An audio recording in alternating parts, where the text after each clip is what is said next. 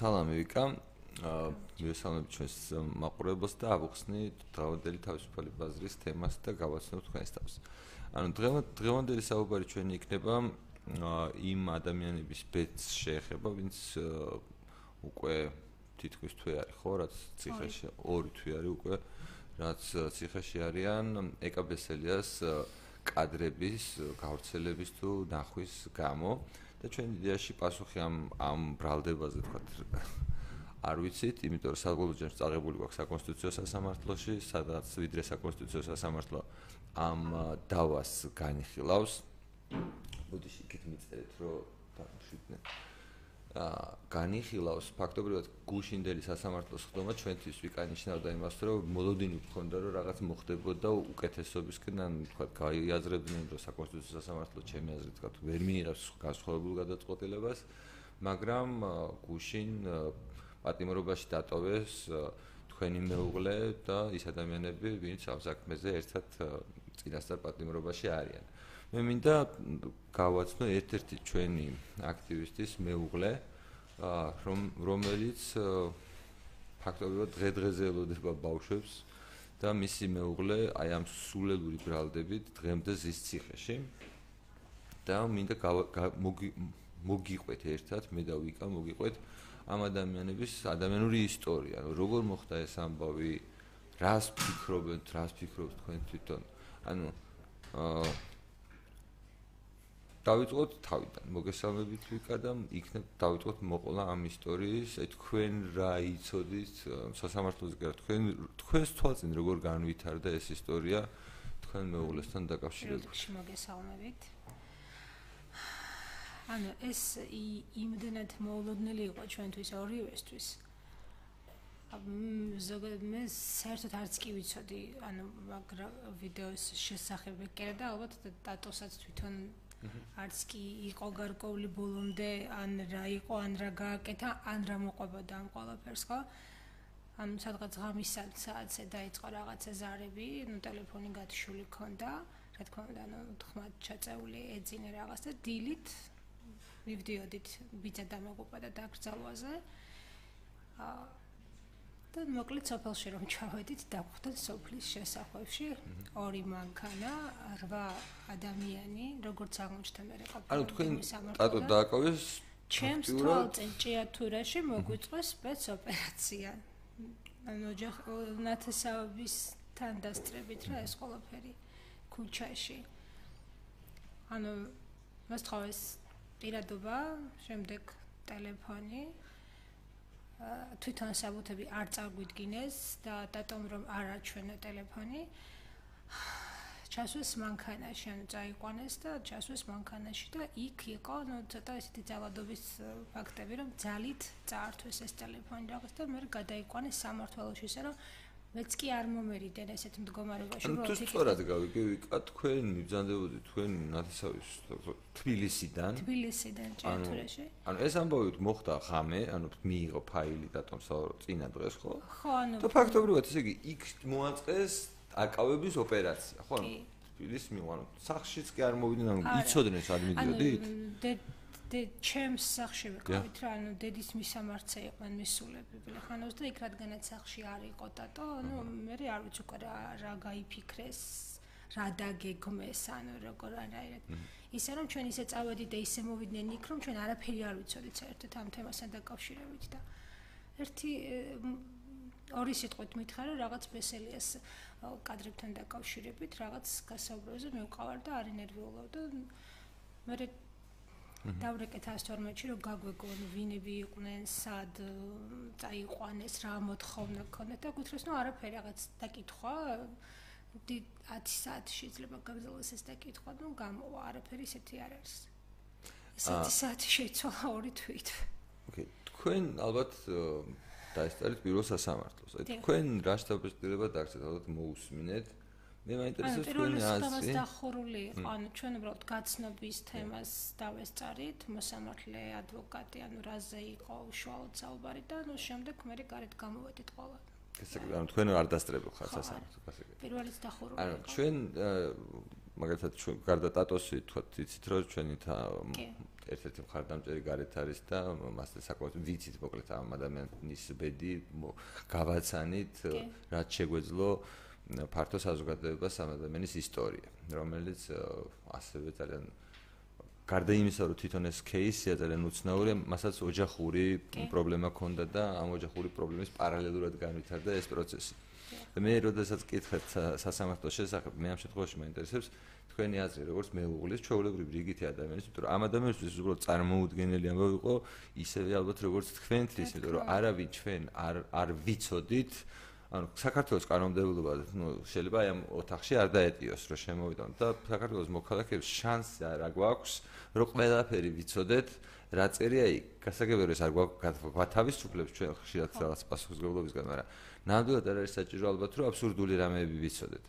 და მე მაინტერესებს აი თქვენი დღევანდელი გადმოსახედა როდესაც ეს ძალიან ძიმე კვირები გაქვთ უკვე გავლილი ძალიან ბევრი ნაფიქრი გაქვთ ამაზე და ალბათ ბევრ ადამიანს ესაუბრეთ ამ თემაზე აი ის პირველი საათები და თქვენი ადამიანური რეაქცია მაინტერესებს, როდესაც მიხვდით თუ თქვენი მეუღლე რა ხო, რა მიზეზით არ არის თქვენს გვერდით ახლა.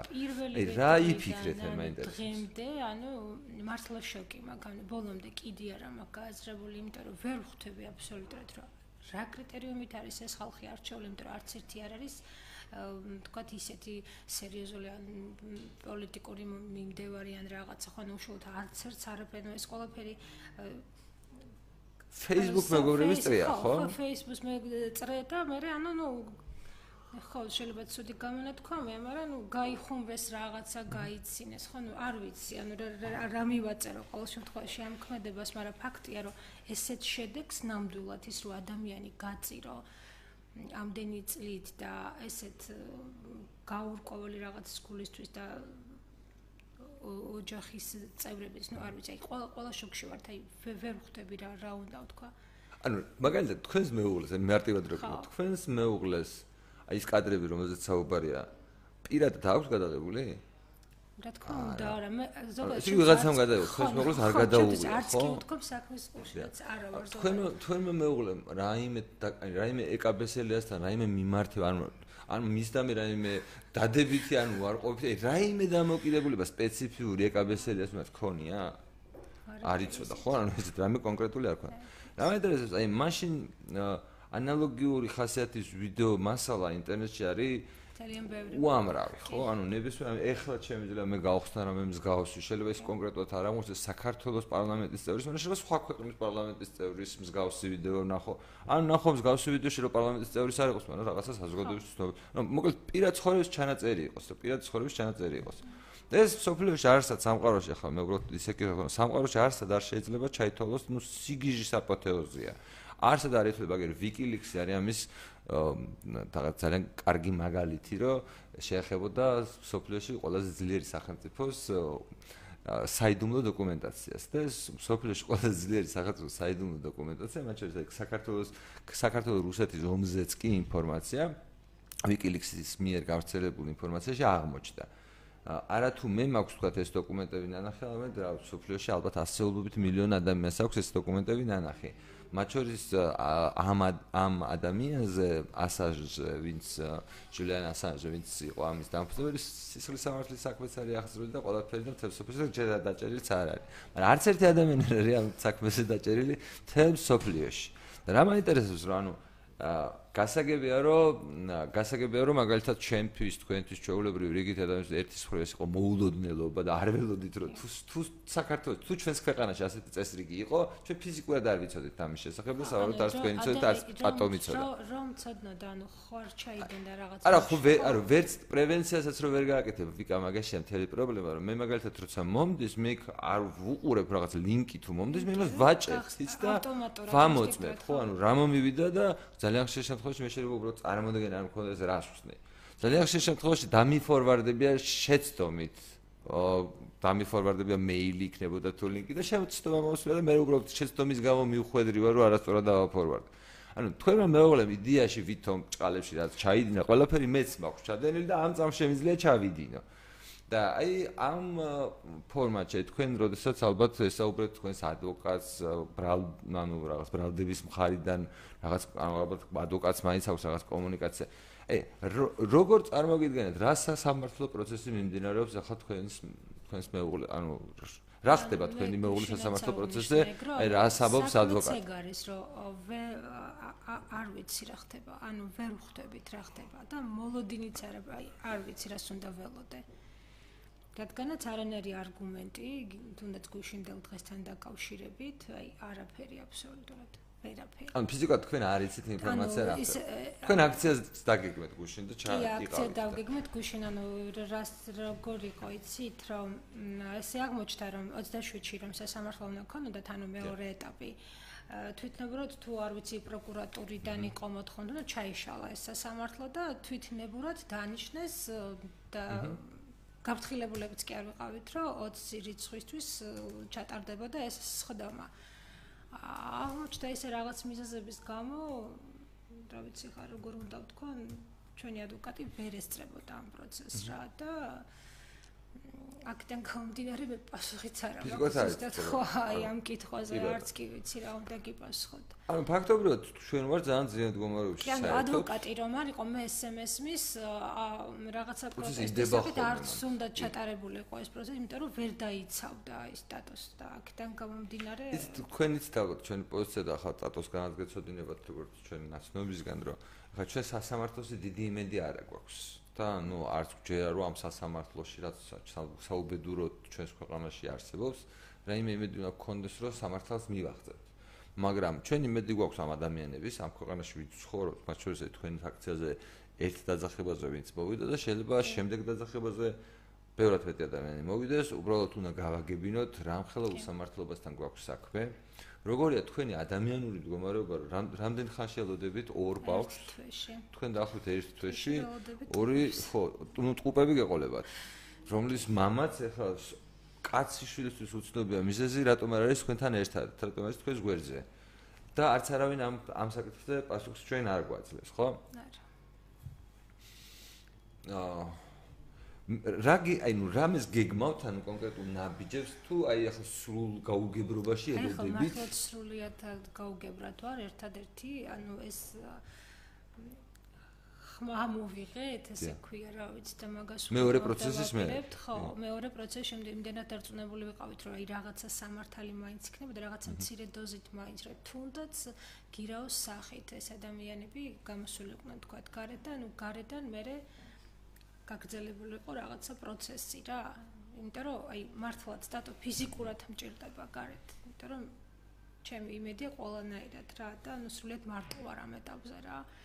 არის თქვენ სრულიად მარტო როცა გულისხმობთ ან ტატოს შოვლები ან თქვენი მშობლები ვინმე აყავთ თქვენ დამხმარე? დამხმარე არავინ არ ამყავს ახლა იმიტომ რომ ფიზიკურად დღევანდელი ცხოვრებიდან გამომდინარე ჩემი ოჯახის წევრები ანუ არიან ყველა საზღვარგარეთ რა ანუ და აქედან გამომდინარე ფიზიკურად მჭირდება, ნუ აქ არ არის ფინანსურზე თქვა საუბარი და რაღაც ტიპი. მე რამდენად ვიცი თქვენ პრობლემა გქონდათ მათ შორის გირავას გადახდეს, ხო?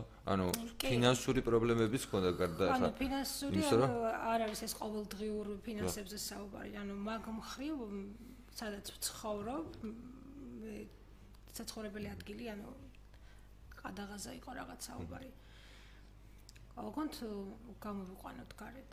გასაგები, ანუ თქვენ ხართ თანახმარო ის წირე რაღაც რესურსებიც კი რომელიც თქვენს ოჯახს გააჩნია, თქვენ მეუღლეს მოახმაროთ, ოღონდ ის გარეთ გამოვიდეს. უბრალოდ ეს კი წარმოვიდგეთ ჩვენი პოზიცია ამ შემთხვევაში, ну, არა ოჯახის, არამედ ჩვენი მეგობრების პოზიცია. არის ესეთი რომ ეს ადამიანი საერთოდ არაფერს შეერე ამ ქვეყანაზე დამნაშავე. შეუძლებელია იყოს, შეუძლებელია ჩვენ და ანუ შეიძლება რაღაც დრო დაგჭირდეს, მაგრამ შეუძლებელია ჩვენ ეს ვერ დავადასტუროთ. იმდენად დიდ აბსურდთან გვაქვს საქმე, რომ შეუძლებელი გონია რომ ჩვენ ეს ვერ დავადასტუროთ. მათ შორის ვერ დავადასტუროთ იმაში საკონსტიტუციო სასამართლოში ერთ-ერთ ტატოს მეგობრის кейსზე, რომელიც ბუნებრივია საბოლოო ჯამში ტატოსაც შეეხება, მაგრამ ამ ამას რაღაცა დრო დაჭირდება. და ძალიან უცნაურია ვინ აგებს პასუხს იმაზე, რომ დღეს მართლა თქვენი მეუღლე თქვენს გვერდით არ არის, როდესაც ესეთი მდგომარეობაა.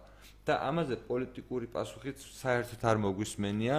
ჩვენ ხო ანუ ალბათ გვადევნებთ თვალყურს და ვინც გვადევნებს თვალყურს ფაქტობრივად ყველას ვეუბნებით კონკრეტულ არგუმენტაციას თუ რატომ არ შეიძლება ანუ იმას კი არ ველოდებით პროცესს საკონსტიტუციო სასამართლოში ჩვენ ყოველდღურად ვცდილობთ რომ ნებისმიერ ადამიანს როცა ეს თემა აინტერესებს, გავაგებინოთ, რომ ამ ადამიანების დანაშაული არის უბრალოდ შეუძლებელი დანაშაულის თვისებებიდან გამომდინარე. ადამიანებს, რომელსაც მოტივი არ ქონიათ, ადამიანებს, რომელსაც თავად არ ჩაუდენიათ პირველად დანაშაული და ეს ადამიანები, ვინც მართლა ჩაიწერა და ეს ჩამწერი ადამიანები იყვნენ სპეცსამსახურების თანამშრომლები და ყველა მის სამის შესახებ, შემდგომში ეს ვინც გაავრცელა, ეს ჩვენი მეგობრები არ არიან და არავინ არ ის ვინ გაავრცელა.